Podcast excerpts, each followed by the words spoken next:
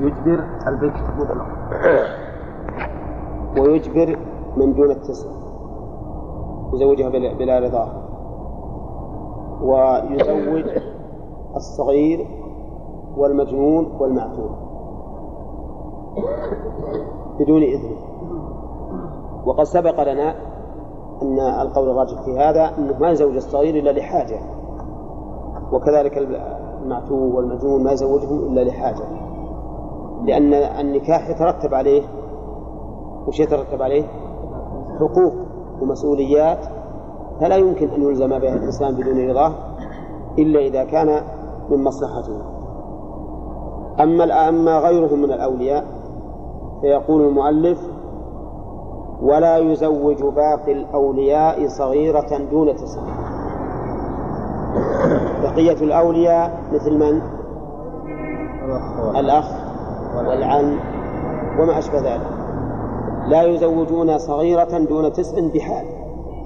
أبدا ما يزوجون في أي حال من الأحوال. اللي دون التسع. سواء كانت بكرا أم ثيب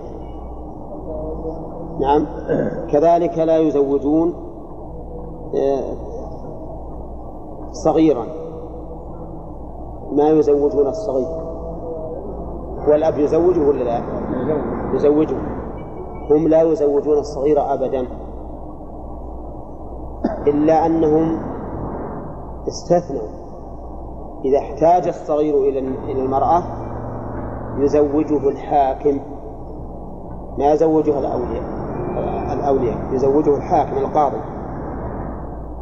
كيف يحتاج الصغير إلى زوجة؟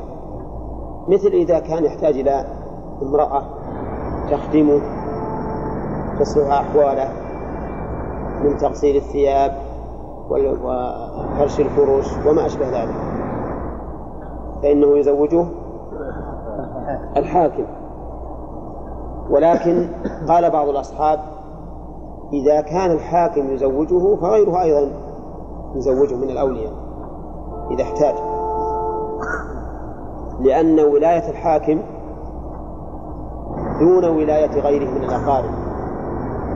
ولاية الحاكم عامة وولاية غيره خاصة. فهذا مثلا صبي. له سبع سنوات. احتاج إلى الزواج وله أخ بالغ. فله أن يزوجه أن يزوجه لحاجته. أما المذهب يقول ما يزوجه لكن يذهب إلى الحاكم ويزوجه الحاكم. كذلك لا يزوج باقي الأولياء كبيرة عاقلة. كبيرة عاقلة. ما يزوجونه إلا بإذنه. سواء كانت ثيبا أم بكرا لأنهم ما يجبرون. الإجبار للأب فقط. فلا يزوج باقي الأولياء. ولو كان الجد أو الأخ الشقيق أو العم الشقيق لا يزوجون كبيرة عاقلة. ما المراد بالكبيرة؟ المراد البالغة. وعلم من قول المؤلف كبيرة عاقلة أنهم يزوجون المجنونة الكبيرة المجنونة ولكن هذا مقيد بأي شيء؟ بالحاجة. هذا مقيد بالحاجة. فإذا كان رجل له أخت مجنونة كبيرة. وهو ما يزوجها. إلا إذا احتاجت إلى ذلك. وكيف الحاجة؟ وش نعرف الحاجة؟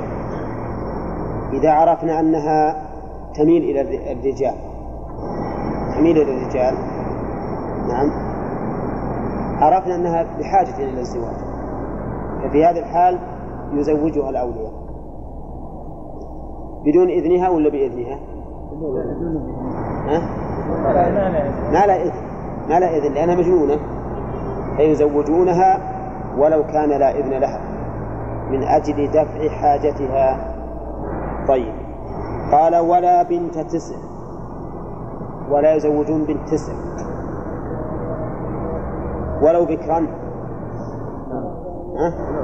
ولو بكرا إلا بإذنهما. فصار الأولياء الآن بقية الأولياء.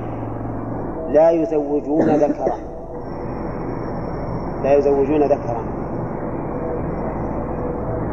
أفهمتم؟ يعني مثل ما الواحد ما يزوج أخوه ولا ابن أخيه ولا ابن عمه ما يزوج. لا يزوجون كبيرة لا يزوجون صغيرة دون تسع. لا يزوجون صغيرة دون تسع. بأي حال من الأحوال. كذا. لا يزوجون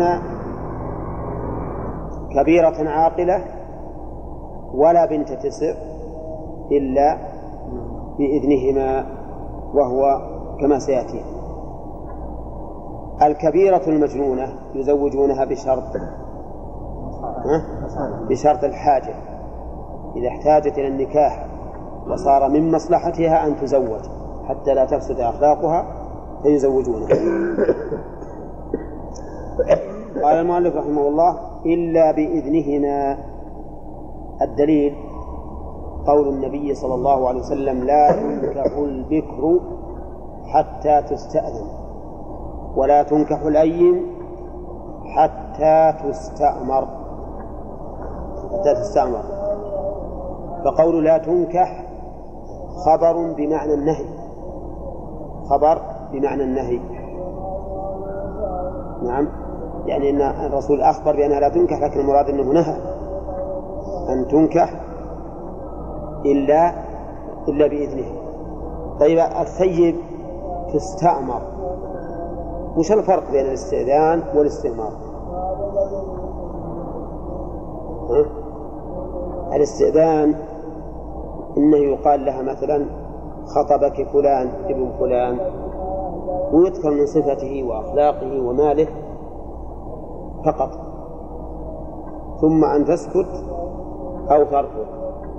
الاستئمار إنها تشاور.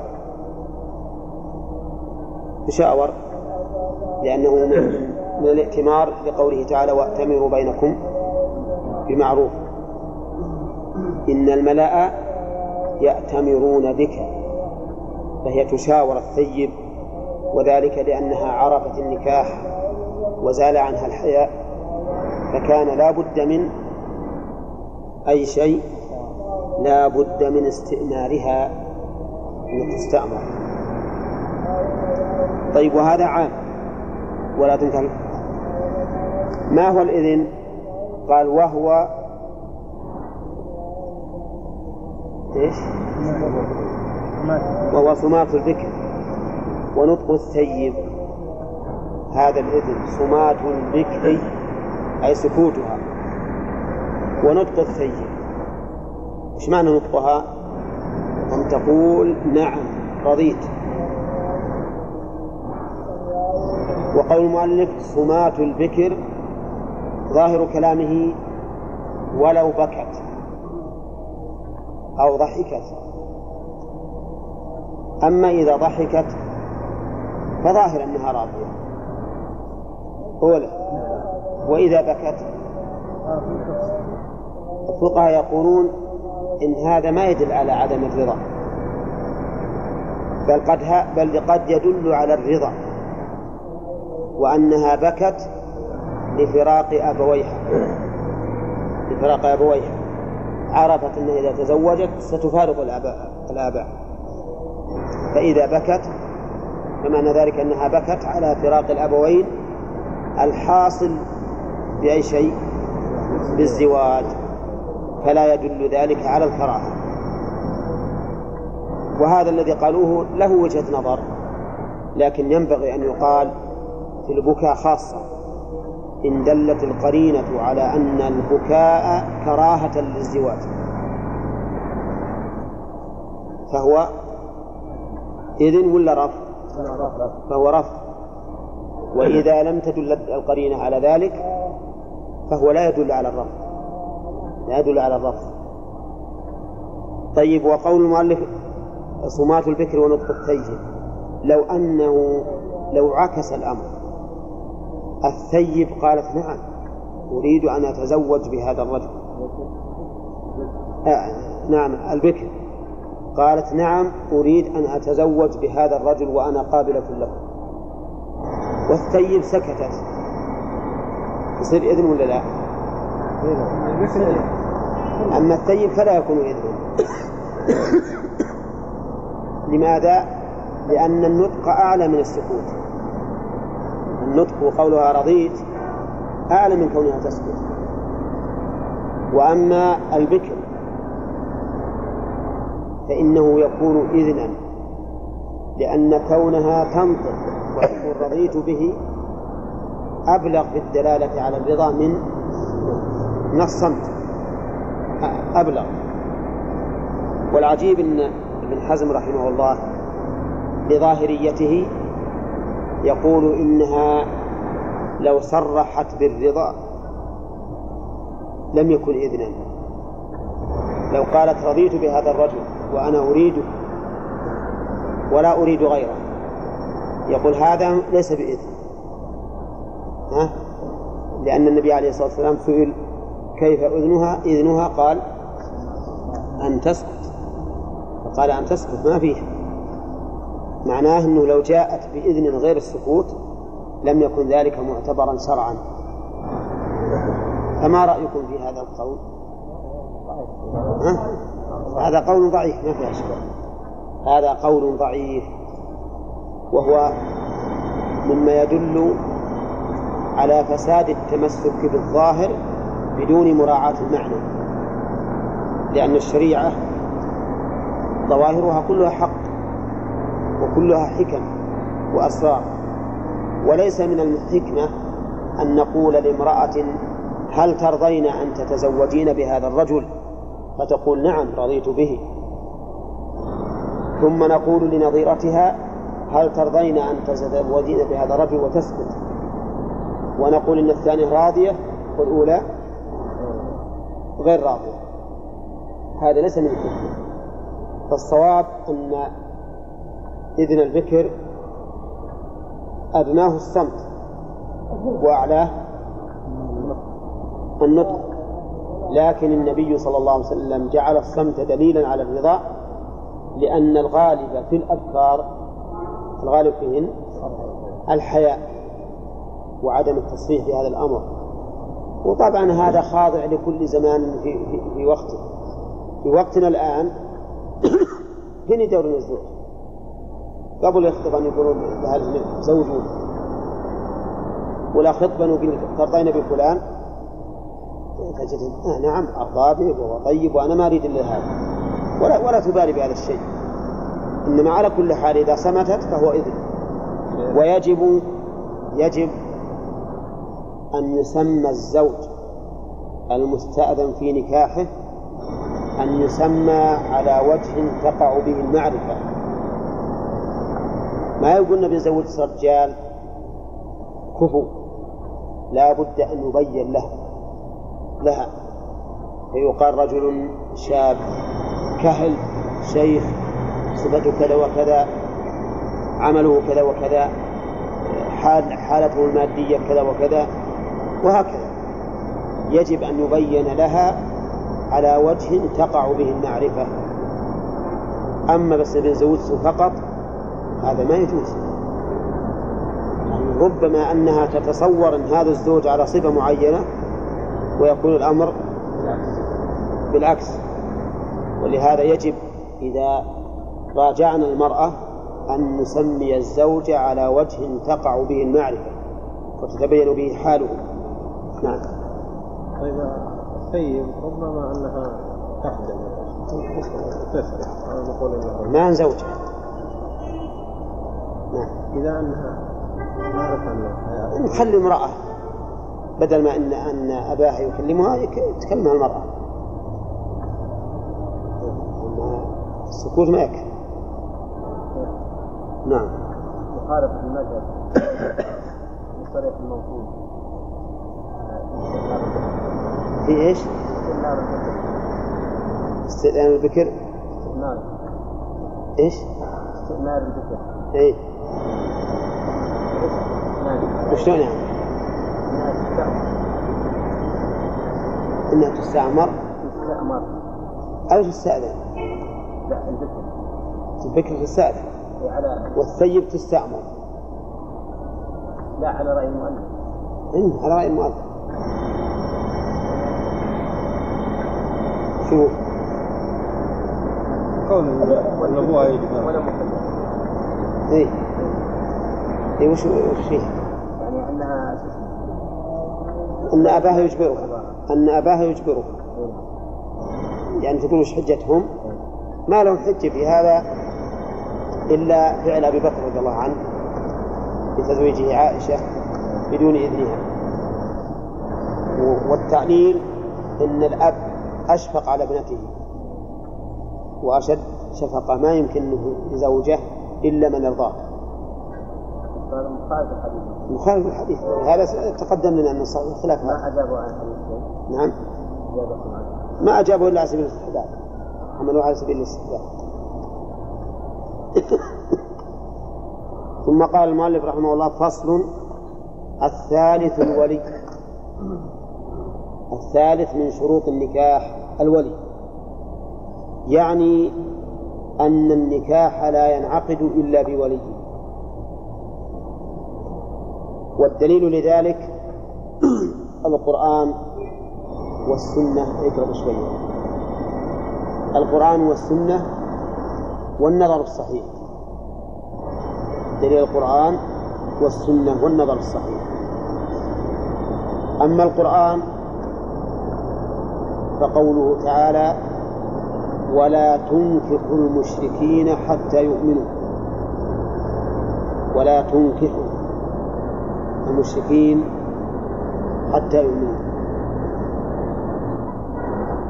تنكحوا الخطاب لمن؟ للأولياء. فدل هذا على أن أمر النكاح راجع إليهم ولذلك خوطبوا به. لا تنكحوا المشركين. وقوله تعالى فلا تعضلوهن أن ينكحن أزواجهن إذا تراضوا بينهم بالمعروف. فلا تعضلوهن إيش معنى تعضلوهن؟ تمنعوهن. تمنعوهن من النكاح. أن ينكحن أزواجهن إذا تراضوا بينهم بالمعروف. ووجه الدلالة من الآية أنه لو لم يكن الولي شرطا لكان عضله لا أثر له. لأنها تقول عضلت أو ما عضلت أنا أزوج نفسي. واضح يا جماعة؟ وفي قوله ولا تعضلوهن أن ينكحن أزواجهن دليل على أنه لا فرق في اشتراط الولي بين الثيب والبكر لأن قوله أن ينكحن أزواجهن دليل على أنهن قد تزوجن من قبل. نعم. وعلى هذا فنقول إن الآية دلالتها صريحة. على أن الولي شرط في النكاح سواء في البكر أو في الثيب أما السنة فقوله صلى الله عليه وسلم لا نكاح إلا بولي. لا نكاح إلا بولي. ولا نافية للجنس. والنفي هنا منصب على الوجود أو على الصحة أو على الكمال. ها؟ على الصحة. ليس على الوجود لأنه قد تتزوج امرأة بدون ولي. قول والنبي عليه الصلاة والسلام ما يخبر عن شيء فيقع على خلاف خبره وليس على سبيل الكمال لأن الأصل في النفي انتفاء الحقيقة. واقعا أو شرعا. هذا الأصل في النفي. الأصل في النفي إذا لا كذا انتفاء الحقيقة شرعا أو وجودا. بالك. وعلى هذا فيكون لا نكاح أي لا نكاح صحيح إلا بولي. فلو قال قائل يجب أن نقول لا نكاح كامل ونحمل النفي على نفي الكمال. لا على نفي الصحة. قلنا هذا غير صحيح. لأنه متى أمكن حمله على نفي الصحة كان هو الواجب لأنه ظاهر اللفظ. ونحن لا نرجع إلى تفسير النفي بنفي الكمال إلا إذا دل دليل على الصحة. وهذه القاعدة تقدمت لنا أظن مرارا. وقلنا إن النفي يحمل على أي شيء؟ نفي الوجود. فإن تعذر فنفي الصحة فإن تعذر فنفي الكمال. تعذر فنفي الكمال. نعم. إذا يكون الحديث دليلا على أنه لا بد من ولي النكاح.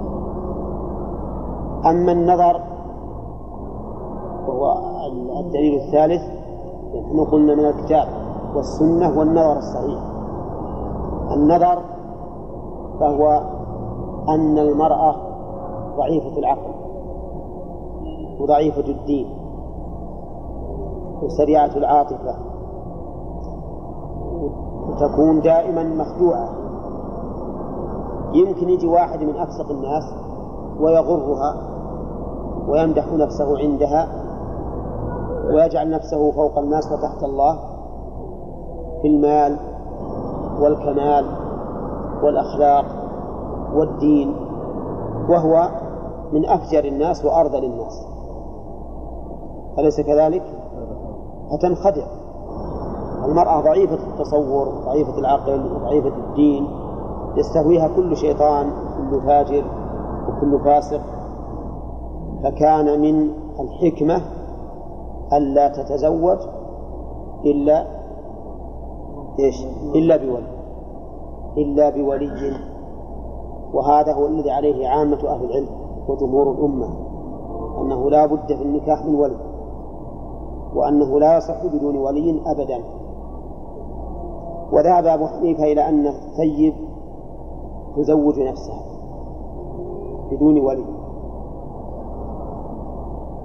وقال إن الرسول عليه الصلاة والسلام يقول الثيب أحق بنفسها من وليها. أحق بنفسها من وليها.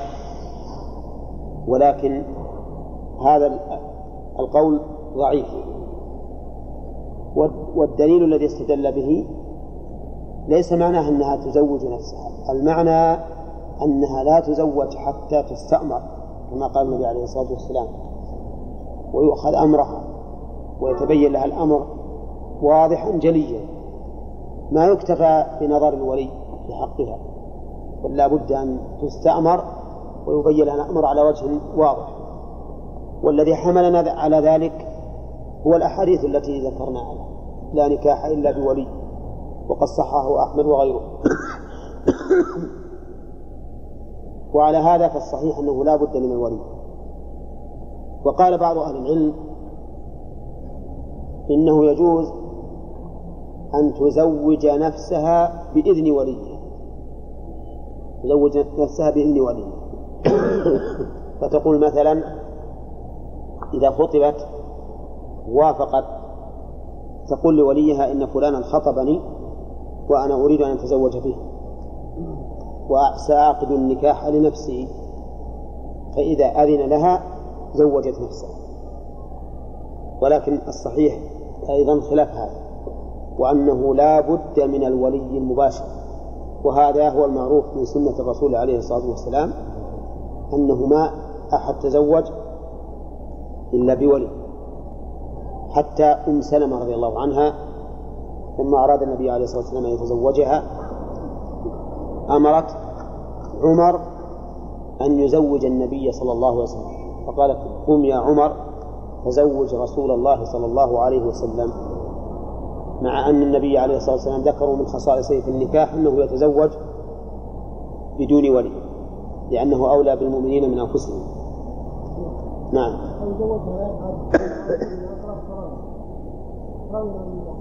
سيأتينا أن المذهب ما يصح لا بد من إعادة النكاح.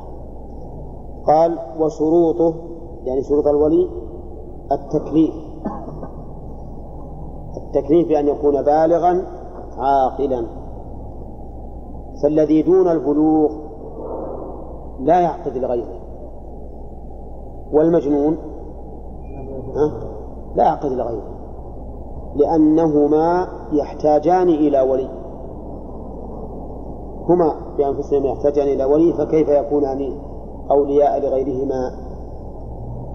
أما المجنون فأمره ظاهر جدا أنه لا يمكن أن يزوج. وأما الصغير فذهب بعض أهل العلم إلى أن المراهق اللي ما بلغ لكنه قريب البلوغ ويعرف ويميز ويعرف الكفر. إن له أن يزوج له أن يزوج ولكن المذهب خلاف ذلك وأنه لا بد أن يكون بالغا. حتى لو فرض أن له أربعة عشر أربع عشرة سنة وأحد عشر شهرا وثمانية وعشرين يوما. يزوج؟ لا. لا ما يزوج. يقول اصبروا يومين؟ نعم. وزوجكم اصبروا يومين وزوجكم لأنه ما بعد بلغ وإذا كان صغيرا لم يبلغ وهناك ولي آخر أبعد منه لكنه بالغ. فهل يجوز أن يوكله في عقد النكاح؟ مثل لها عم وأخ. هذه المرأة لها عم وأخ. أخوها ما بلغ. فأراد العم أن يوكل أخاها. يقولون ما يصح يوكله. لأن من لا يعقد النكاح بالولاية لا يعقده بالوكالة. فلا يصح وقت عمه نعم. هذا شرط التكليف. الثاني الذكورية. معلوم. إذا كان أن المرأة ما تزوج نفسه فكيف تزوج غيره فلو كان لها عمة ولها ابن عم عم الشقيقة هو ابن عم. جاءت تسأل من وليها؟ نقول عمتها؟ لا؟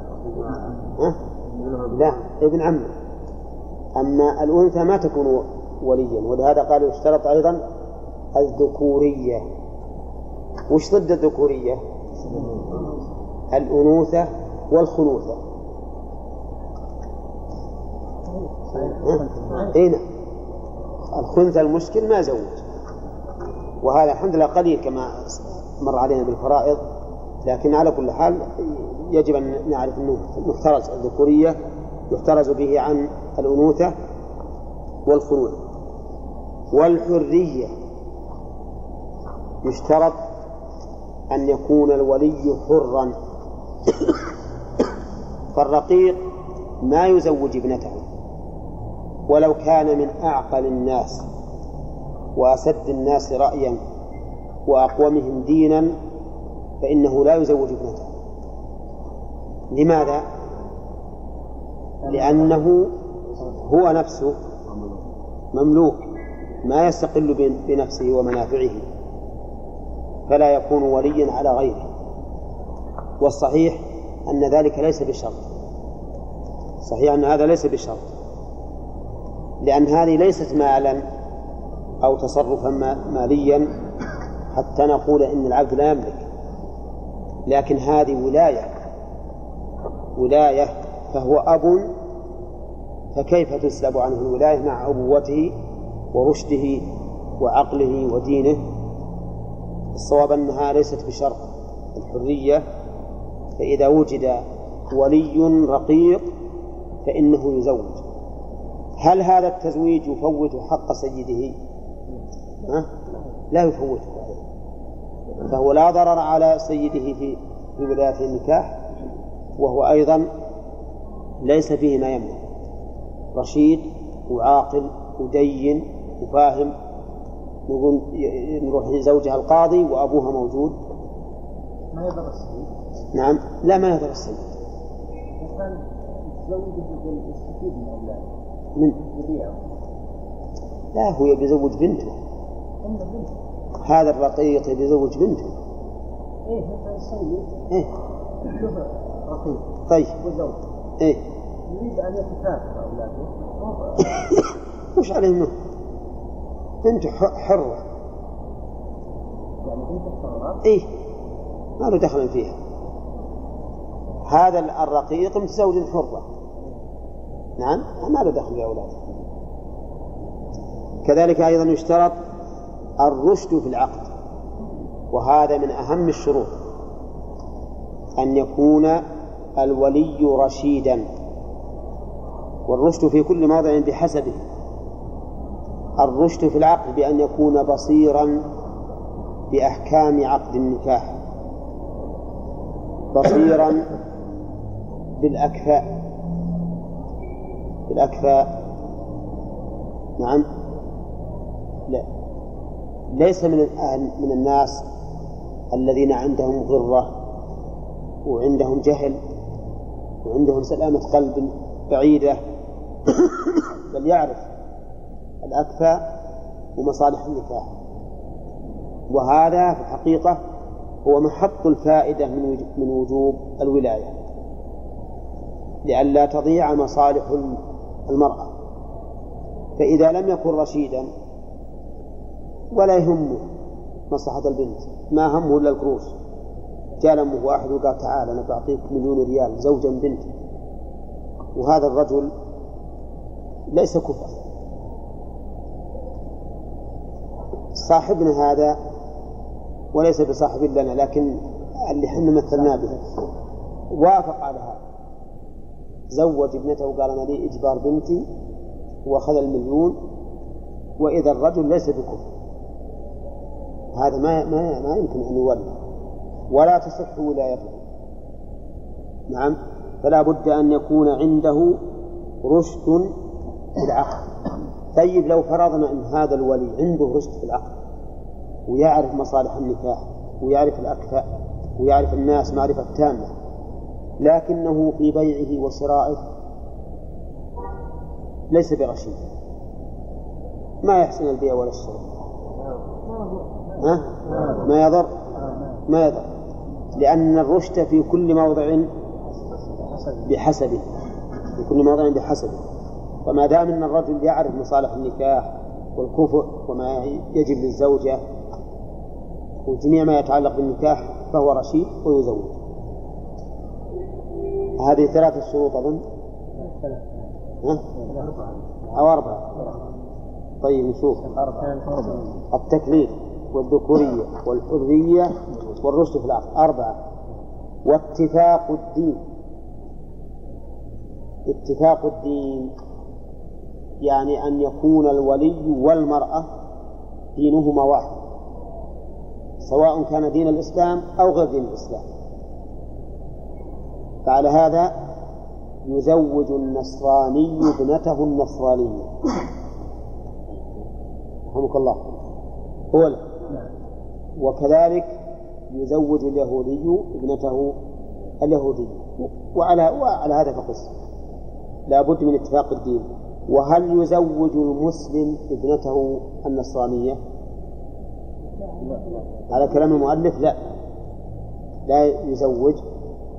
وكذلك بالعكس النصراني ما يزوج ابنته المسلمة لكن استثنى قال سوى ما يذكر. اللي يذكر عندي يقول كأم ولد لكافر أسلمت. وأمة كافرة لمسلم. والسلطان يزوج من لا ولي له من أهل الذمة. ثلاث مسائل. استثنى بالشرح ثلاث مسائل.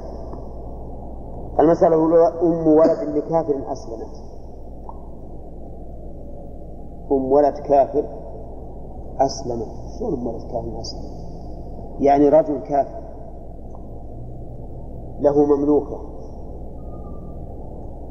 فجامعها ثم ولدت منه.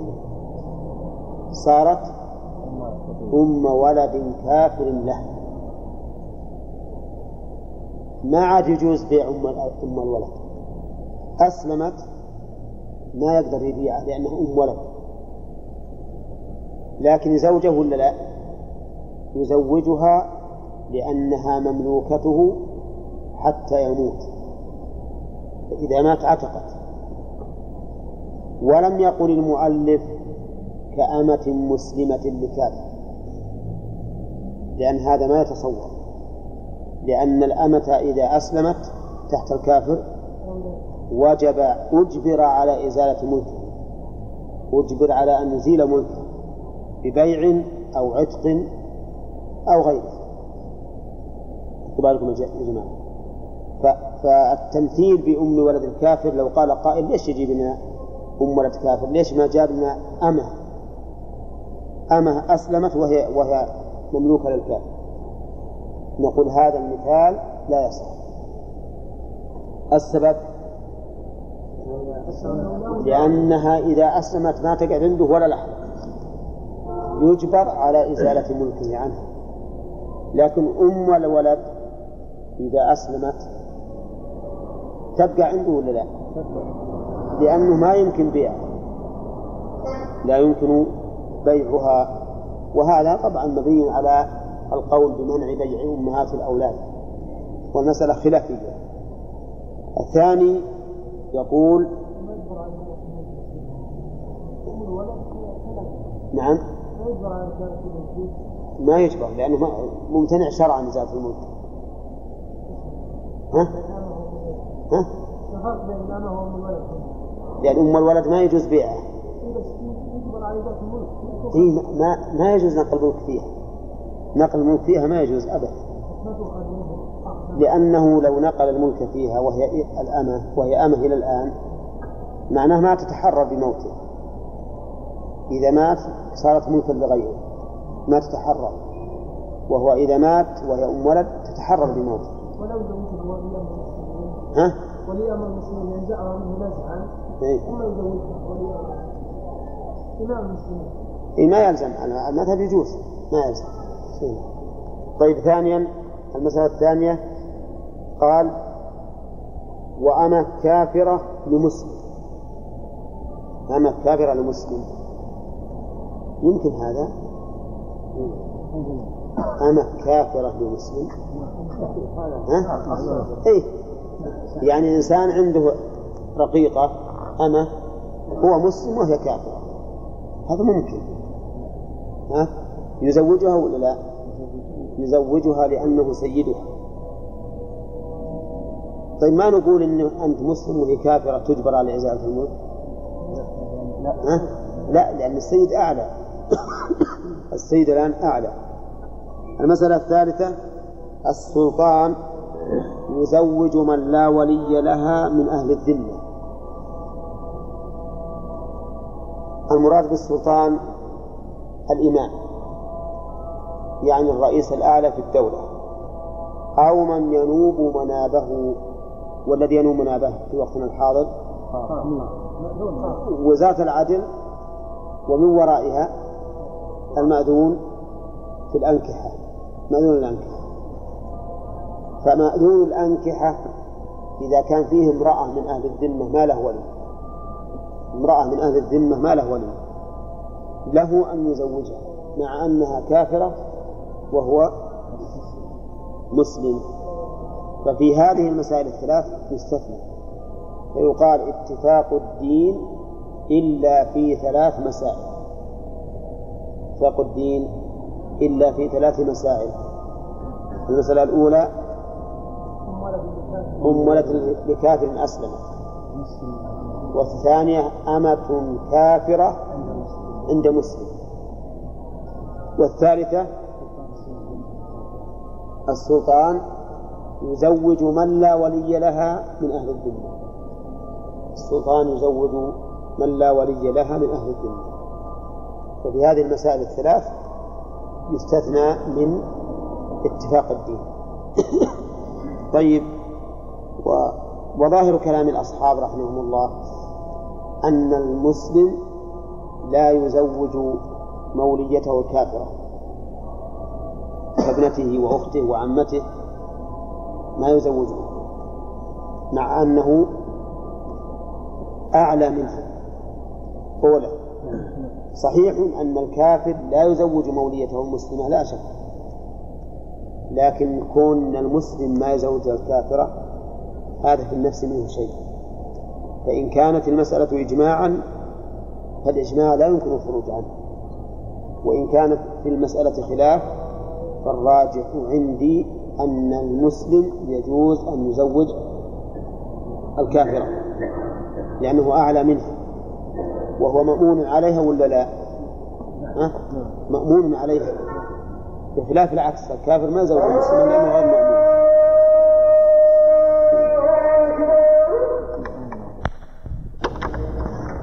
العدالة شرط. شرط للولي. فغير العدل لا يصح أن يكون وليا. لماذا؟ لأنها ولاية فيشترط فيها الأمانة. ولاية نظرية ينظر فيها الولي ما هو الأصلح للمرأة. فيشترط فيها الأمانة والفاسق غير مؤتمن حتى في خبره فكيف في تصرفه؟ والله عز وجل يقول يا أيها الذين آمنوا إن جاءكم فاسق بنبأ فتبينوا. إذا الفاسق لا يصح أن يكون وليا على ابنته ولا على أخته ولا على بنت أخيه وما أشبه ذلك. ولكن الفقهاء في هذا الباب خففوا بعض الشيء. قالوا تكفي العدالة ظاهرا. تكفي العدالة ظاهرا. فإذا كان هذا الولي ظاهره الصلاح لكن في باطن أمره ليس بصالح. مثلا عرف ظاهر أنه رجل صالح لكنه يشرب الدخان في بيته. يشرب الدخان في بيته. هذا عدل ظاهرا وليس عدلا باطنا. يصح أن يكون وليا. يصح أن يكون وليا. نعم. فهم خففوا بعض الشيء. طيب رجل حالق لحيته. يصح أن يكون وليا. هذا فاسق ظاهر. وباطن من باب أولى هذا لا يصح أن يكون وليا يعني ما يزوج بنته. اللي حالق لحيته ما يزوج بنته. نعم؟ الذي يتعامل بالربا علنا ها؟ ما يزوج بنته. الذي اغتاب شخصا من المسلمين ولو مرة واحدة في عمره ولم يتب ما يزوج بنته. لأنه فاسق. يعني لو واحد مثلا في مجلس اغتاب واحد من المسلمين. ظاهر واضح. ولا تاب فإنه لا يزوج ابنته. لماذا؟ لأنه فاسق غير عدل رجل يمشي في السوق بندس فصفص يزوج بنته؟ ها؟ ما يزوج بنته. ليش؟ لأنه لا لم يستعمل المروءة. ليس من المروءة الرجل أما نعم الصبيان وما أشبههم يمكن يفعلون هذا ولا يعد هذا قادحا فيه. لكن الرجل له هيبته وله قيمته. يجي ينزل فصفص نعم بالسوق يمكن بعد يكون مدلع يفتح زرته نعم و... أي نعم وغترته بعد وراء. طالع النصف الطاقية والغتر على وزن الهامة. مثل ما قال الاخ إبراهيم يمكن يرمى في الجنون. هذا ما يزوج بنته. كان بالأول أيضا اللي تقهوى بالشارع. يعتبر خلاف المروءة. لكن الآن بالعكس يعني الناس الآن صاروا يتكون بالشارع ولا ولا يعدون هذا خلاف المروءة. نعم. طيب على كل حال هذا ما يراه الفقهاء رحمهم الله في هذه المسألة أنه يشترط للولي أن يكون عدلا وإلا ماذا نصنع إذا لم إذا لم نجد كل أقاربها حاطين الحاهم كل أقاربها حاطين الحاهم من يزوجها؟ آه نعم القاضي. يزوجها القاضي أو مأذون الأنكحة. هذه المسألة في الحقيقة لو طبقناها يمكن ما نجد أحد يزوج موليته إلا عشرة في المئة. أولى لا سيما في هذه المسألة الهينة العظيمة وهي الغيبة. الغيبة ما تكاد أحد يسلم ما تكاد تجد أحدا سالما من الغيبة. نعم لو أن والغيبة أيضا منه مثل الصغائر. الصغائر كنت تستمر الغيبة ولو مرة واحدة نعم يعتبر الإنسان خارجا من العدالة ما يصح أن يكون وليا. قال ابن عبد القوي رحمه الله في المنظومة وقد قيل صغرى غيبة ونميمة وكلتاهما كبرى على نص أحمد. وقد قيل صغرى غيبة ونميمة وكلتاهما كبرى يعني الغيبة والنميمة على نص أحمد. وعلى هذا فالمسألة مشكلة جدا.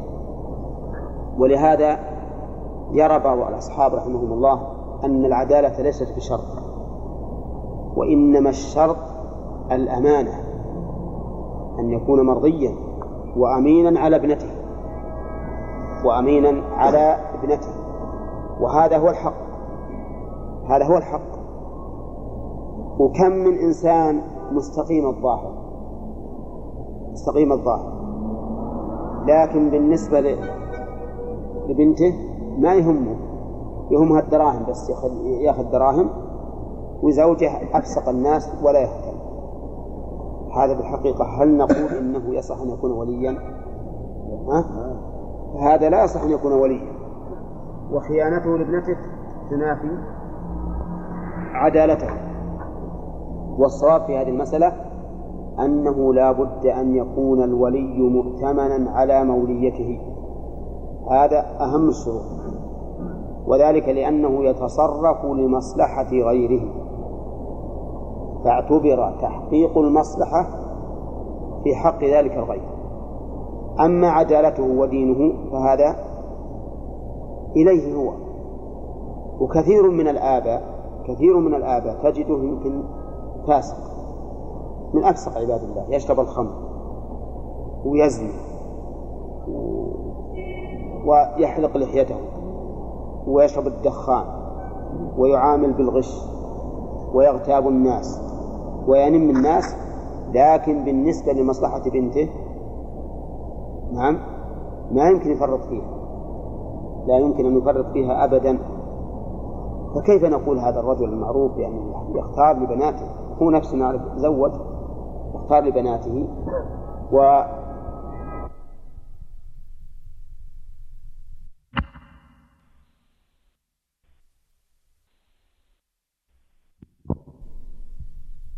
زوج ولو كان فاسقا لو كان مثلا يعمل بعض المعاصي التي تخرجه من العدالة فإنه يزوج. لأن اشتراط كون السلطان عدلا هذا شيء متعذر من أزمنة بعيدة كذلك السيد يزوج من؟ يزوج أمته. أمته. السيد يزوج أمته استثنوا كأنهم يجعلون الأمة وهو حق يجعلونها من عداد الأموال. من عداد الأموال التي يتصرف فيها المالك كما يشاء على وفق الشرع. فالسيد يزوج أمته ولو كان فاسقا. لأنها مال ولكنه لا يجوز له أن يكون أمانته في هذا الباب يجب عليه أن يتقي الله عز وجل. فإن علم أنه لم يتق الله في ذلك فلها الحق في أن تطالبه أو أن تمتنع. ولا يجبره. نعم. زوجها رغبة في المال. زوجها إيش؟ رغبة في المال. نعم. والقصة موجودة. إيه؟ هذا كثيرا ما ترى ها؟ هذه اي نعم إذا لم يكن كفءا كيف؟ إذا طالبت يفسخ قال فلا تزوج امرأة نفسها إذا طالبت إيه؟ لو طالبت النكاح باطل لا ما يكون باطل إلا إلا لو لو كان كافر مثلا إذا كان ما تم الشروط إيه؟ ما تم الشروط الولاية لأن الولي ما تم وهو شرط من شروط النكاح. الشرط لا هو الشرط أنه يكون أمين. أن يكون أمينا. نعم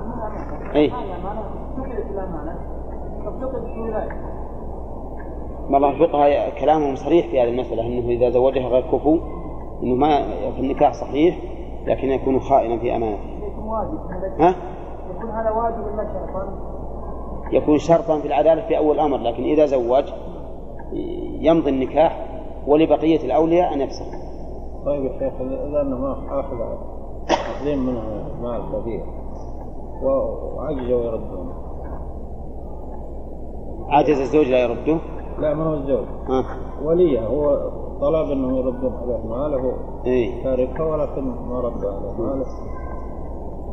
وهم جوزوها فاسق ولا. إذا كان أنه غير كفو يعني ممن لا يصح نكاحه كما لو كان زانيا. الزاني ما يجوز يزوج حتى يتوب. ها؟ أو ما يصلي مثلا. ما ما ما يصح لكن إحنا نقول مالك روح دوره نكاحنا بنفسه ومالك دوره أنت. كيف؟ يكون هذا من جنس ال- ال- اللي يغر. من جنس ال- اللي يغر. من عند عند اللي أخذه أبوه يقول ما عندي. اي دوره يبقى بذمته وما وان مات قبل يؤخذ من اعماله. نعم. ها؟ المملوك لو أن يتزوج يتزوج. اي نعم. سيأتينا إن شاء الله فيها الخلاف. قال المؤلف فلا تزوج امرأة نفسها معلوم اشترط الولي ما زوج نفسه ولو أذن لها الولي ها؟ لو أذن لها الولي ما تزوج نفسها. لا بد أن يتولى عقد النكاح وليها ولا غيرها. ما تزوج غيره؟ ولا بنته؟ ها؟ باب أولى. باب أولى. ما تزوج غيره.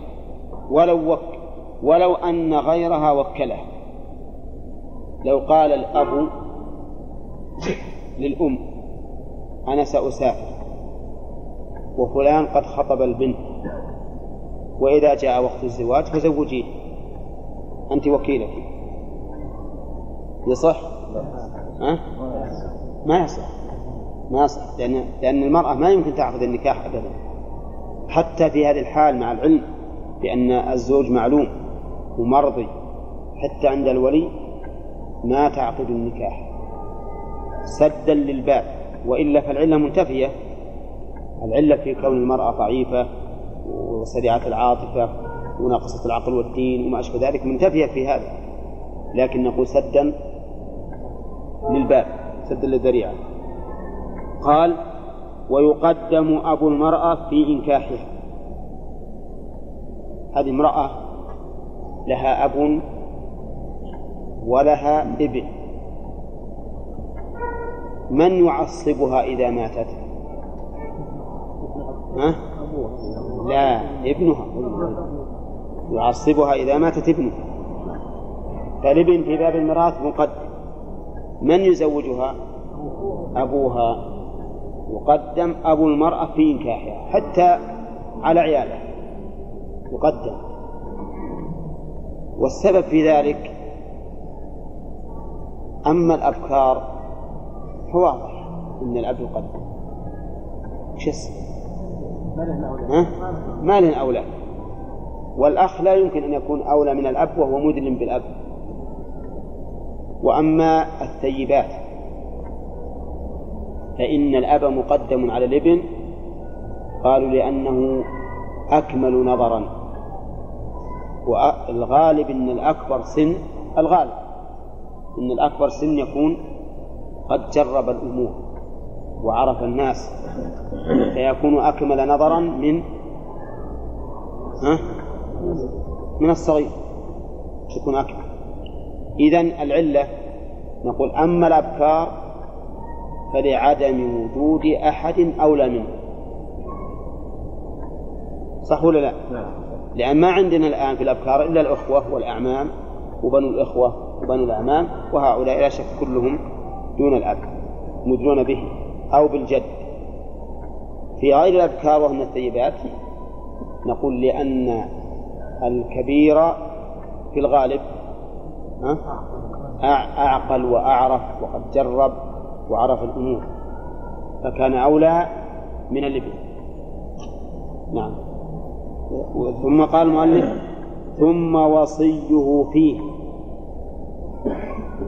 اعلم أن الولي له وكيل وله وصي من الوكيل؟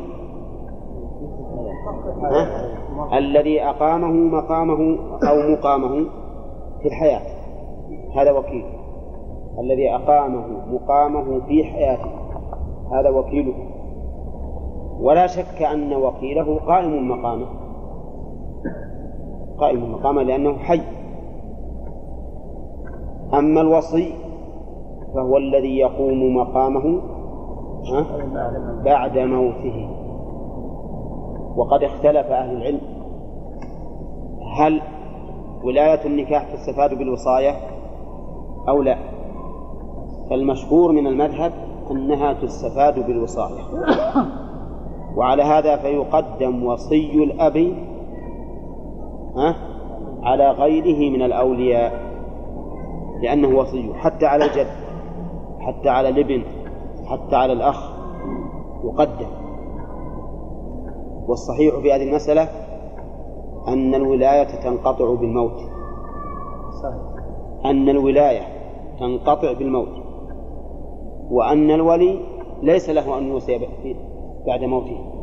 وحتى لو أوصى فالوصية باطلة.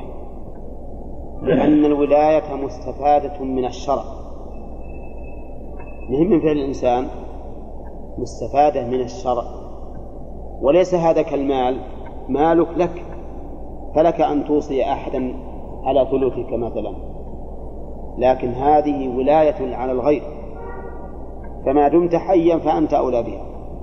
فإذا مت انقطعت الولاية. نعم. الصواب أنها لا تستفاد. وعلى هذا فإذا أوصى الأب أن يزوج بناته فلان ولهن إخوة فمن الذي يزوجهن بعد موته؟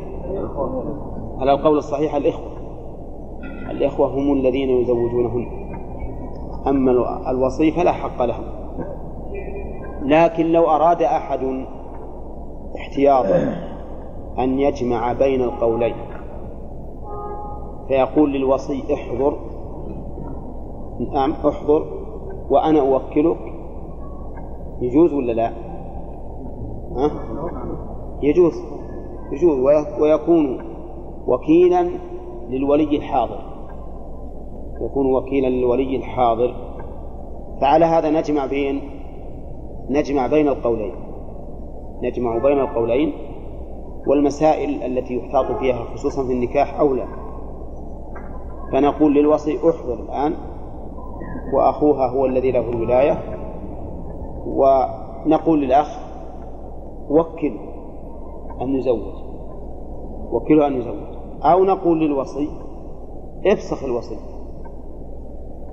ولا لا؟ يجوز يفسخه ولا ما يجوز؟ نعم الوصي يجوز أن يفسخ الوصية ما هي لازمة فإذا فسخ الوصية عادت المسألة إلى الأولياء. نعم. نعم. ها؟ نعم. المهم إنه يكون يتولى. يتولى العقد بالوصية بالنسبة للزائد لا بالوكالة على القول الراجح. بالوكالة على القول الراجح. وبالوصية على القول المذهب المذهب فنقول هذا الرجل الآن إن كان مستحقا للولاية بالوصاية فقد عقد وإن لم يكن فقد وكله من له الولاية. فيكون النكاح صحيحا على كل القولين. كأجنبي يمكن على القول الصحيح. لكن على القول الثاني لا. لأنه على القول الثاني وكالته وكالة الولي له ليست بشيء. ها؟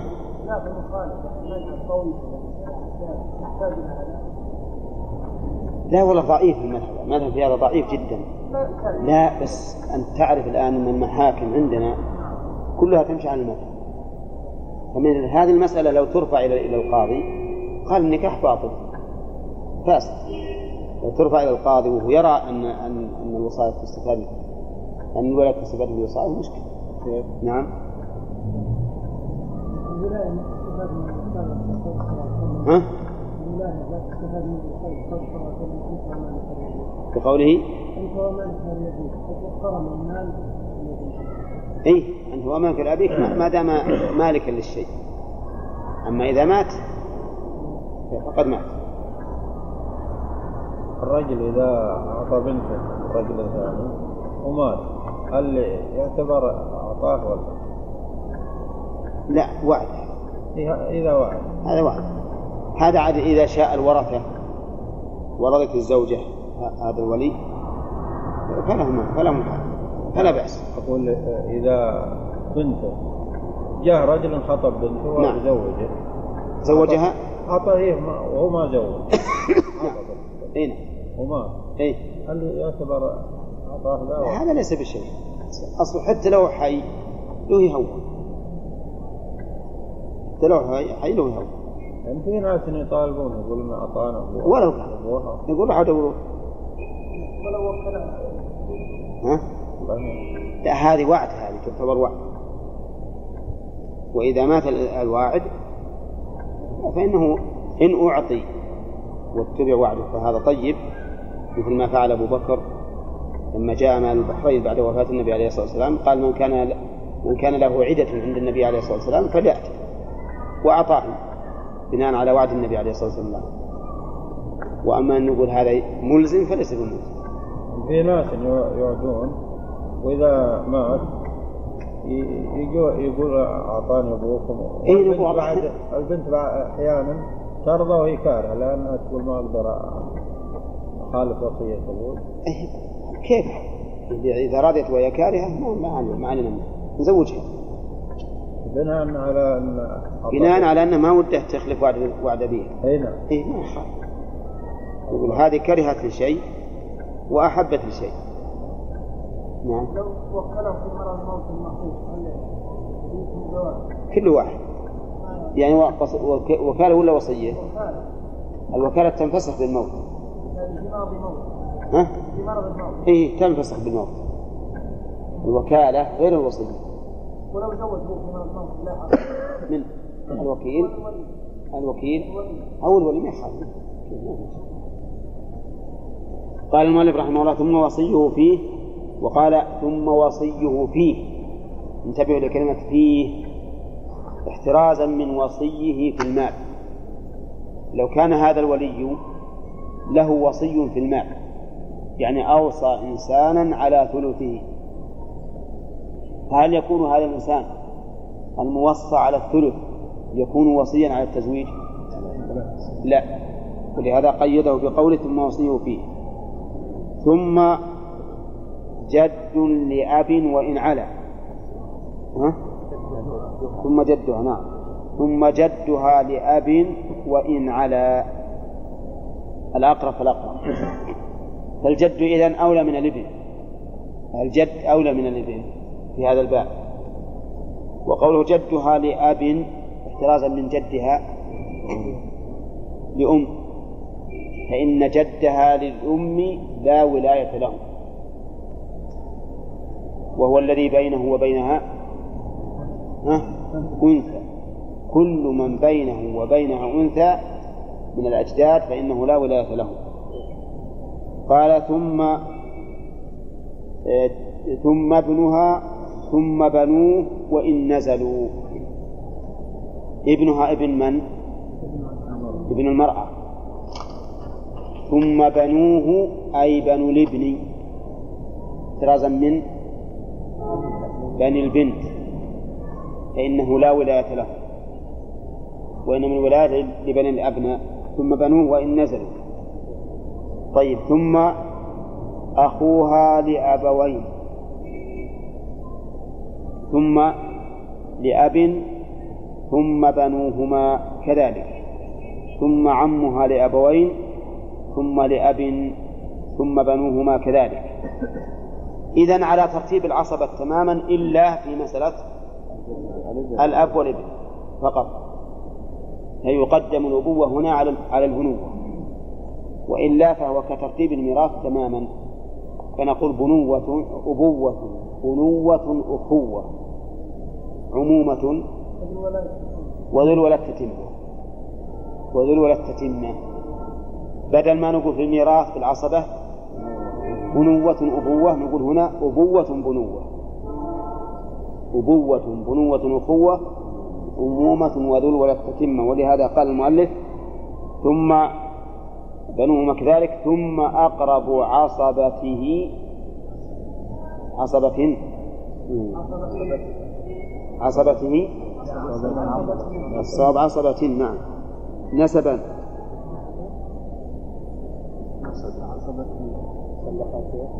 إيه عصبة. أقرب عصبة نسب؟ يصلح نعم. إنما لنا حافظ ثم أقرب عصبة نسبا. كذا عصبة نسب نسبا. إيه. هم؟ عندنا عصبته لا عصبته ما يفسر. لأن المراد عصبتها هي. ثم أقرب عصبة نسبا كالإرث. ثم المولى المنعم.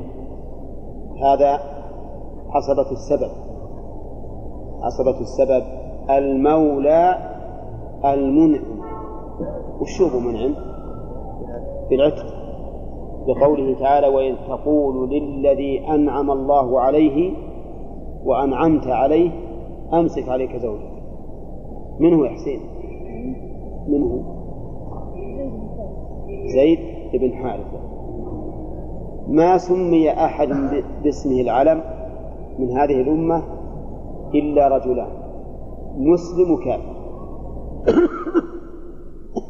أولى المسلم زيد بن حارث والكافر أبو لهب. ها؟ يمكن يكون والكنية اسم. واسما أتى وكنية ولقبا نعم. قال ثم ثم المولى المنعم ثم أقرب عصبته نسبا. عصبة من؟ المولى المنعم أقرب عصبته نسبا على ترتيب الميراث. وظاهر كلام المؤلف رحمه الله أن عصبة المنعم عصبة المولى يرتبون ترتيب الميراث. فيقدم ابنه على أبيه. يقدم ابن المولى على أبيه. طيب. ثم إن عدموا إن عدم عصبة المولى نسبا فولاء. ثم ولاء قول ثم ولاء عطف على قوله نسبا. يعني ثم أقرب عصبته نسبا ثم أقرب عصبته ولاء. كيف عصبته ولاء يعني لو كان المعتق قد اعتقه غيره. وليس له عصبة من النسب فإننا نرجع إلى عصبته ولاء الذين اعتقوه. يأتي بعد ذلك قال ثم السلطان. والسلطان هو الإمام أو نائبه. السلطان هو الإمام أو نائبه. وكان النواب فيما سبق نواب الإمام في هذه المسائل من؟ القضاة. أما الآن فكان نوابه كان نائبه وزير العدل. ونائب وزير العدل؟ ها؟ أي مأذون في الأنكحة المأذون في الأنكحة. عندي قال الإمام أحمد القاضي أحب إلي من الأمير في هذا. القاضي أحب إلي من الأمير وهذا بناء على على على ما سبق في عرفهم إنهم كلهم نواب للسلطان أما الآن فإن المسألة ما للاماره فيها دخل اطلاقا. بل ولا للقضاة. أصبحت الآن مقيدة بناس مخصوصين. طيب. الغالب أنه ما تصل الدرجة إلى هذا. الغالب يعني لو أنك تتأمل زواجات الناس. لوجدت أن المسألة ما تعدو عصبة النسب. طيب ما رأيكم في مأذون الأنكحة وفي الأخ الشقيق؟ وفي الأخ الأم؟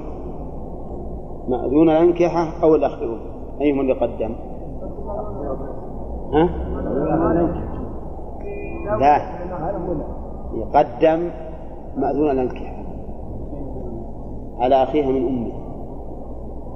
بل على أبي أمها بل على أبي أمه. لو كان هذه المرأة لها أبو أم قد كفلها منذ الصغر وهو لها بمنزلة الأب. وخطبت ما يتولى زواجها. يتولى زواجها من؟ معذون الأنكحة وهذا لا يتولى الزواج. وهذه قد تبدو غريبة عند العامة.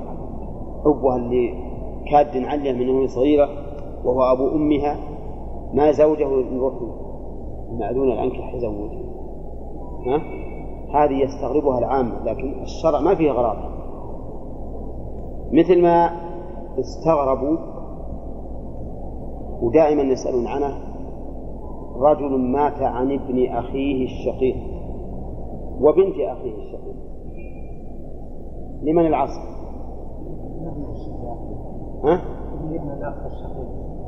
شنو لا؟ مات عن ابن أخيه الشقيق وبنت أخيه الشقيق الأخت ملاش؟ عجيب إيه. صحيح هذه المسألة أيضا يستغربون إنك إلى من الواحد أفتاهم بهذا وشلون؟ خواتهم ما يرثون معهم يقول نعم ما يرثون لأن هذا أبناء إخوة وهؤلاء بنات إخوة. ما لهم ما لهم أصل هنا. شيخ نعم.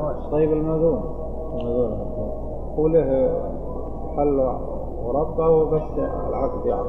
لا يعقد فقط. ما له يعني لا الفسخ ما يتولاه القاضي. لا أقول يعني في الزواج أو مشاورة أو شيء ما له لا أبدا ما بس يعقد لكن- لكن إذا كان إذا كان ولي إذا كان ولي هو لا بد أنه يتو- يتولاها ولاية. يعني لو قال أبوها أبوها أبو أمي هذا الرجل نبيه طيب. ولكن المأذون ما دخل خاطر كله أنه يمنع. كله يمنع. نعم. الدليل أن الولاية الولاية معروفة. عند العرب وفي الإسلام إنها تكون للعصر. إنها تكون للعصر. هي مأخوذة من كلمة الولي. ها؟ ما في دليل إلا بس مسائل فردية مثل قم يا عمر فزوج رسول الله صلى الله عليه وسلم. قم يا عمر فزوج رسول الله. فهذا قيل أنه عمر بن أبي سلمة وقيل أنه عمر بن الخطاب لأنه ابن عمه. مسألة نعم. لا ينعقد الطلاق ها؟ بالنسبة للطلاق ذكرنا أنه لا ينعقد الطلاق ما ينعقد. ها الطلاق فصل ما هو بعقد. إذا إيه. إيه وش هو؟ وذكر أن الزواج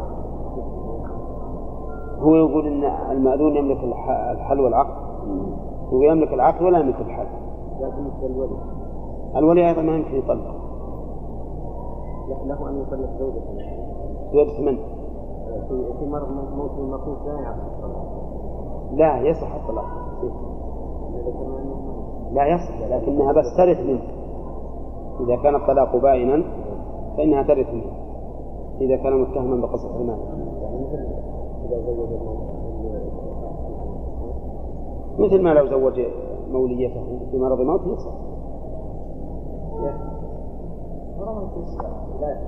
على لأن. هذه ولاية حال الحياة نعم. لا هم يقولون أصل الولاية هذه في العصوبة ولهذا هم الذين يحملون العقد الديات وأبو الأم ما يحمل والأخ من الأم ما يحمل الولايات هذه مبنية على العصور فقط. النفقات هم قالوا به في النفقات إلا أنهم لما قال وعلى الوارث على الوارث مثل ذلك علم أن النفقة مبنية على الإرث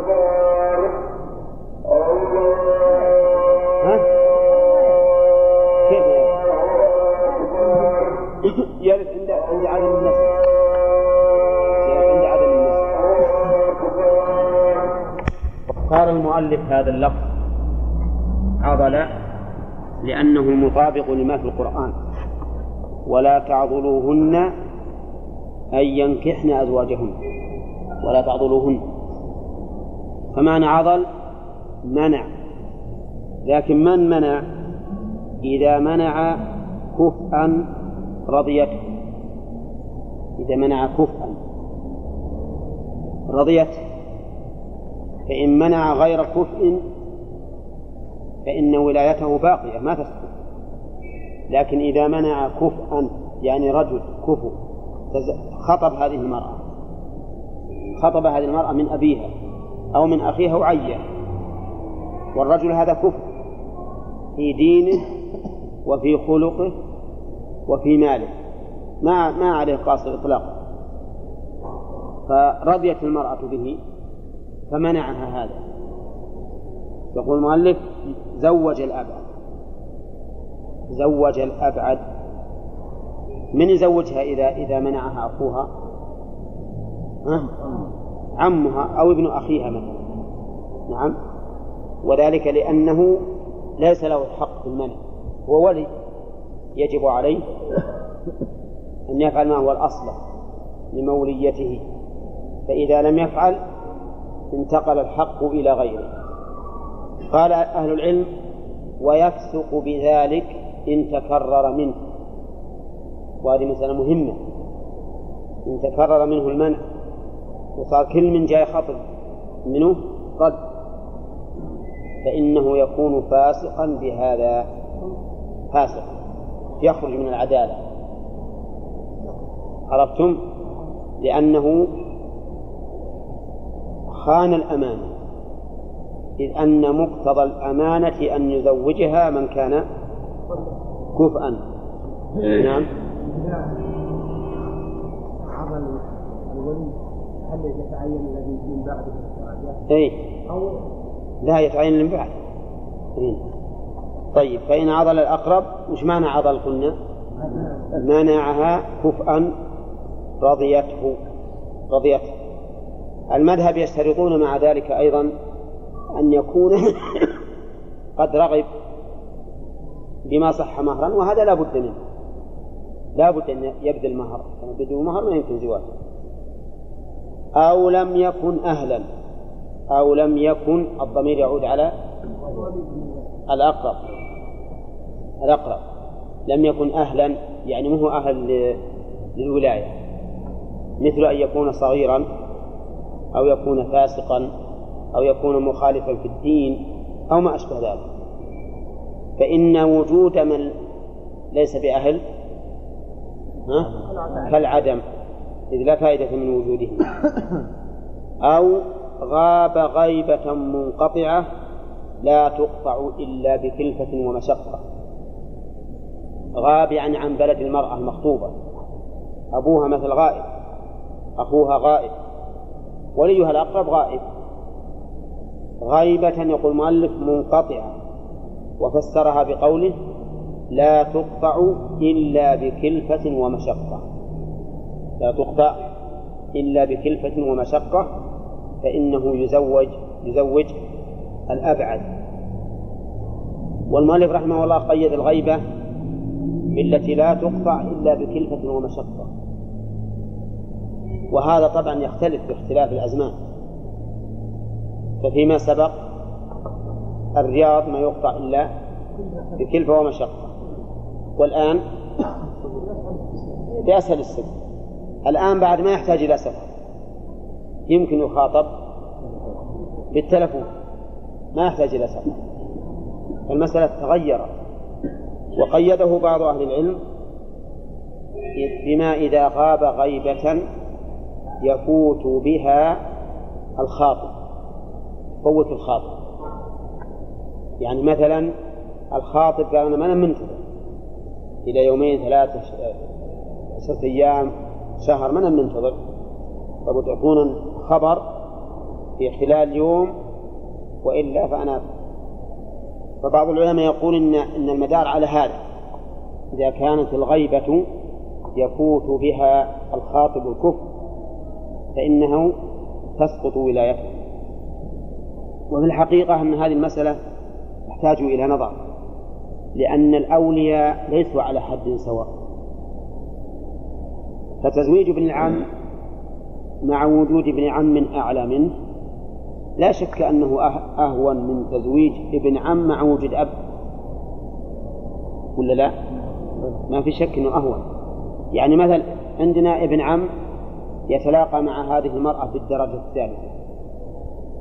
وهو هنا في في بلد المخطوبة وابن عم يلتقي بها في الدرجة الثانية في بلد آخر. يفوت به الخاطب. لو زوج ابن العم في هذه الحال ما كان هناك يعني ملامة عليه. لأن الكل منهم ابن عم لكن هذا أقرب منزلة. لكن لو يكون ابن عمه هنا موجود وأبوها في بلد آخر لكان تزويج ابن العم يعد عند الناس وش يعد اعتداء وجناية على حق الأب. فالمسألة هنا تختلف باختلاف الأولياء. والذي ينبغي أنه ما دام إمكان مراجعته دام مراجعته ممكنة فإنه لا يزوج الأبعد والسبب في هذا لأننا لو قلنا بتزويج الأبعد في هذه الحال مع إمكان المراجعة لأدى ذلك إلى الفوضى. وصار كل إنسان يريد امرأة يذهب إلى ابن عمها إذا غاب أبوها مثلا في سفر حج أو نحوه ثم يقول زوجني. فيحصل بذلك فوضى ما, ما لها حد فالصواب أنه يجب مراعاة الولي الأقرب لا سيما في الأبوة ما يزوج إلا إذا تعذر. مثلا لو فرضنا أن الأب سافر إلى بلاد أوروبية ولا نعلم عنه خبرا فهذا نعم ما نفوت مصلحة البنت. من أجل أننا نطلب هذا الرجل يمكن نبقى شهرين ثلاثة سنة. ما علمنا عنه. المهم أن المذهب أنه إذا غاب الولي غيبة منقطعة لا تقطع إلا بكلفة ومشقة زوج الأب. والمذهب أيضا خلاف كلام المؤلف الماتن. المذهب إذا غاب مسافة قصر زوج الأب. إذا غاب مسافة قصر زوج الأب. وعلى هذا فلو كان مثلا الولي في الرص وهي في عنيد أو ما ما يجي مسافة قصر على المذهب ما يجي مسافة قصر يعني مسافة القصر 81 و317 متر. ها؟ 308 كيلو. و317 متر. ها؟ 81 و300 متر و317 متر ها؟ اي والله ما أدري أنا أظن 17 المسألة بسيطة المهم إنه 300 وكسر لكن ما يجي اظن الرأس إلى هالمدة يمكن 60 ها؟ الزلف يجي؟ أي نعم لو كان أبوها في الزلف مثلا وهي هنا ما نراجع ابوها على المذهب. نزوج ولا نراجع أباها لأنهم يعتبرون أن ما بي أن من بينه وبين موليته مسافة قصر تسقط ولايته. ولكن كل هذا فيه نظر فالصواب أنه مهما أنه متى أمكن مراجعة الولي الأقرب فهو واجب. وإذا لم يمكن وكان يفوت به الكفر فلنزوجها الآخر نعم. لا. أقول لا ما يجوز. ما يجوز. لابد من الحضور.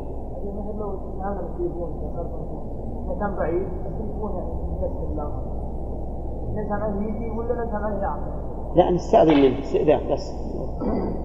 نستأذن منه استئذان. نعم. ها؟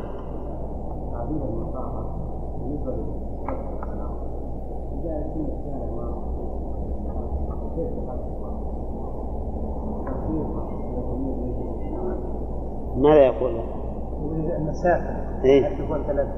يقول إذا كان ذاك ما هم فيه ما هم زين يعني ما تعرف تم المسافة اللي تقطع اي 300 مثلها لا. الشارع ما ما حددت بس ما ما عندك سيارة؟ أو خربان عدادة. يقول الشارع ما أما يعني تحديد ها؟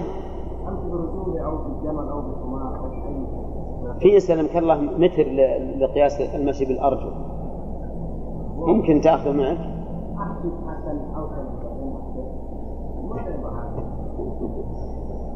أو ما تكلمنا عليها من قبل. ها؟ تكلمنا عليها مرارا يا آدم. وقلنا إن هذا لا دليل عليه. وإن شيخ الإسلام ابن تيمية رحمه الله يقول الرسول صلى الله عليه وسلم في عهده ما في مساحين يمسحون الأرض ويعرفون هذه كذا متر ثم هم يقدرونها بالذراع ومن بعد الذراع الشبر ومن بعد الشبر الإصبع ومن بعد الإصبع حب الشعير ومن بعد حب الشعير شعرة البردون نعم. هذا شيء مهم يعني الصحيح أن المسألة ترجع إلى العرف. هذا الصحيح.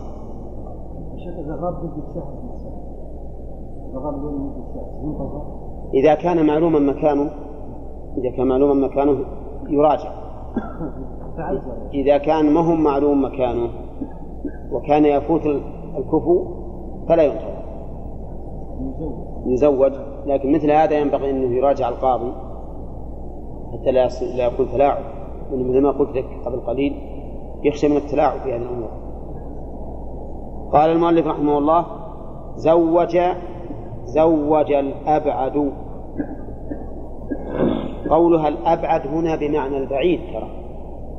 زوج الأبعد يعني البعيد. وهم معناه إذا لم يوجد الأخ.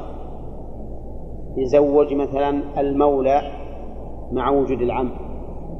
أو ابن العم مع وجود العم. فقول المؤلف الأبعد هنا بمعنى البعيد؟ أو على تقدير منه يعني زوج الأبعد منه زوج الأبعد منه يعني اللي أبعد من هذا القريب الذي أبعد من هذا القريب. نعم وهذا واضح. ثم قال وإن زوج الأبعد أو أجنبي من غير عذر لم يصح. معلوم إذا زوج الأبعد بدون عذر يعني الأقرب موجود وأهل للولاية وزوج الأبعد فإن النكاح لا يصح. النكاح لا يصح لأنه لأن قول الرسول عليه الصلاة والسلام إلا بولي ولي هذا وصف مشتق من الولاية فيقتضي أن يكون الأحق. من؟ الأولى فالأولى. الأحق الأولى فالأولى. لأنه سبق لنا أن كل حكم علق على وصف فإنه يقوى بقوة هذا الوصف فيه. يقوى الحكم بقوة هذا الوصف فيه. فما دام أنه علق الحكم بالولاية فمن كان أولى؟ فهو أحق ولا حق لمن وراءه مع وجوده وهو أهل. طيب هذه امرأة لها عم ولها ابن عم. تزوجها ابن عمها مع وجود عمها في البلد. ما تقولون؟ لا يصح النكاح. لا يصح. زوجها القاضي. لا يصح. زوجها جارها. نعم لا يصح من باب أولى طيب إذا كان وليها القريب والعياذ بالله لا يصلي. لا يصلي. تزوجها البعيد. ما تقولون؟ يصح. يصح. وذلك لأن القريب ليس أهلا للولاية. ليس أهلا. الذي لا يصلي لا ولاية له لأنه كافر والعياذ بالله. طيب إذا كان حالق اللحية تزوج الأبعد فعلى المذهب يصح التزويج. يصح التزويج لأن هذا فاسق فسقا ظاهرا. فسقا ظاهرا. طيب الولي الأقرب يشرب الدخان لكن يشربه خفية. فزوج الأبعد. لا يصح. نعم.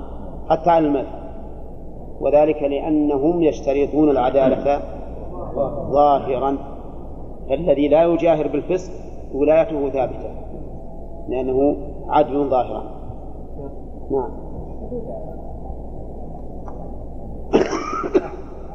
ها؟ إيش؟ ما هي حدود العائل والأهل. العائل والأهل؟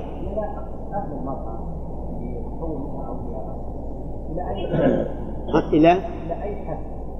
عندنا بعض العوائل تكون متفرعة عن العوائل الثانية العصبة إيه إلى أي حد يعني؟ العصبة نعم؟ ما يخالف ما ما له حد إذا كان أنه معلوم الجهة المقتضية للولاية مثل الجهة الجهة المقتضية للإرث إلى ما نعم. نوصل إلى آدم. إلى آدم. نعم. لا بس مو معلوم. مو معلوم. ولهذا أن هو ما مر علينا أنه يشترط العلم بالجهة المقتضية للإرث. اشترط بأن نعرف أن صلة هذا الرجل بهذا بهذا الرجل كذا وكذا. هذه المرأة أيضا لابد أن نعرف الجهة المقتضية للولاية. بحيث نعرف أن هذا الرجل صلته بهذه المرأة أنه بن عم سواء كان قريب أو بعيد. أنه بن أخ قريب أو بعيد. أنه معتق قريب أو بعيد وهكذا. نعم. ما يمكن نعم وهو كذلك. كما أنهم لا يرثونها ما يمكن يكون أولياء لها. نعم.